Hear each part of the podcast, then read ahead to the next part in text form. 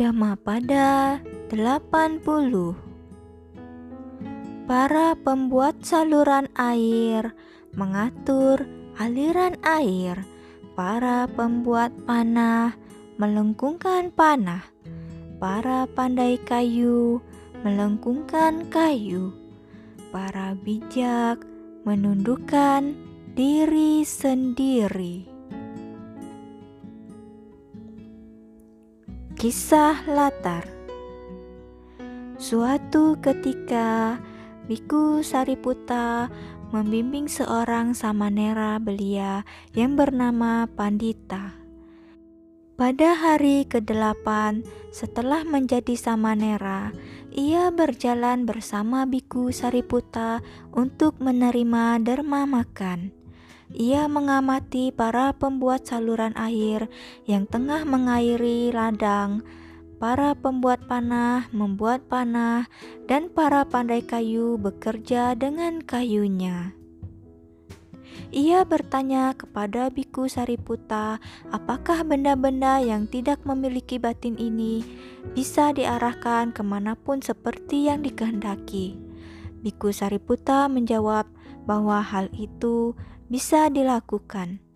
Sang Samanera lalu merenung, seandainya benda-benda yang tidak memiliki batin ini bisa diarahkan ke mana pun seperti yang dikehendaki, lalu mengapa aku tak mampu mengarahkan diriku sendiri?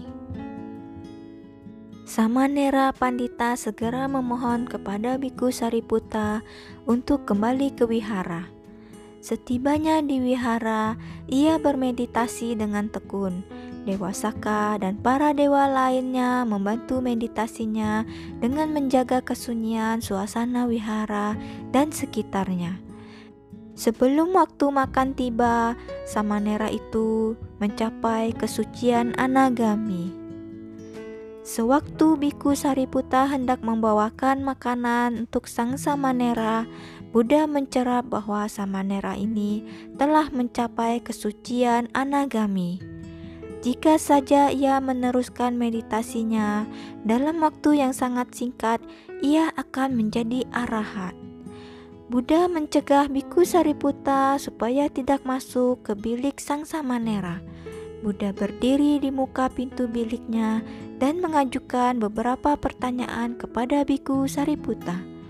Ketika percakapan berlangsung di situ, Samanera itu mencapai kesucian arahata. Dengan demikian, Samanera Pandita menjadi arahata pada hari ke-8 setelah menjadi Samanera. Sehubungan dengan peristiwa tersebut, Buddha melantunkan ayat 80 ini. Para pembuat saluran air mengatur aliran air Para pembuat panah melengkungkan panah. Para pandai kayu melengkungkan kayu. Para bijak menundukkan diri sendiri.